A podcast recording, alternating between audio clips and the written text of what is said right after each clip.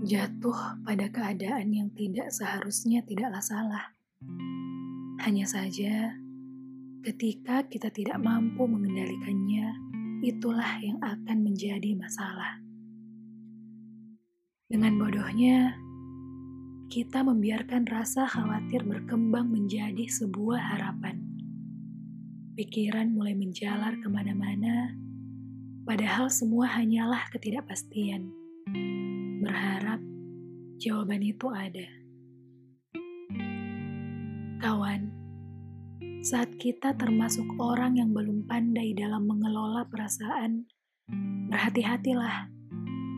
Ada kalanya kita akan jatuh, dan di saat itulah hati kita perlahan-lahan berpaling darinya dan semakin terjatuh, bahkan semakin menjauh.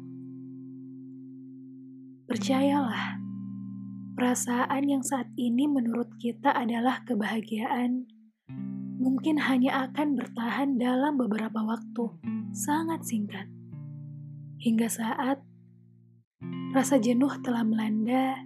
Dengan segera, perasaan tersebut pun berganti dengan ketidaknyamanan. Karena apa? Karena rasa bahagia itu sejatinya berasal dari hati dan hati itu selayaknya diisi oleh keimanan.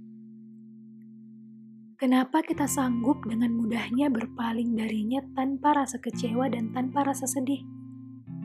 Hanya untuk sesuatu hal yang tidak dalam ridhonya. Lalu, saat kita harus melepaskan seseorang, kadang banyak air mata yang tumpah, merasa sangat sulit untuk mengikhlaskan. Bukankah sudah sewajarnya kita melepaskan karena telah melanggar aturannya. Saat kita tahu kita belum pandai dalam mengelola perasaan, saat itulah kita sadar bahwa prinsip dalam diri kita belum kuat.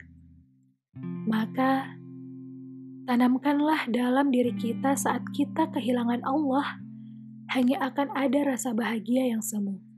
Namun, saat kita mampu mengisi hati kita dengan keimanan, maka hanya akan ada rasa bahagia yang sesungguhnya.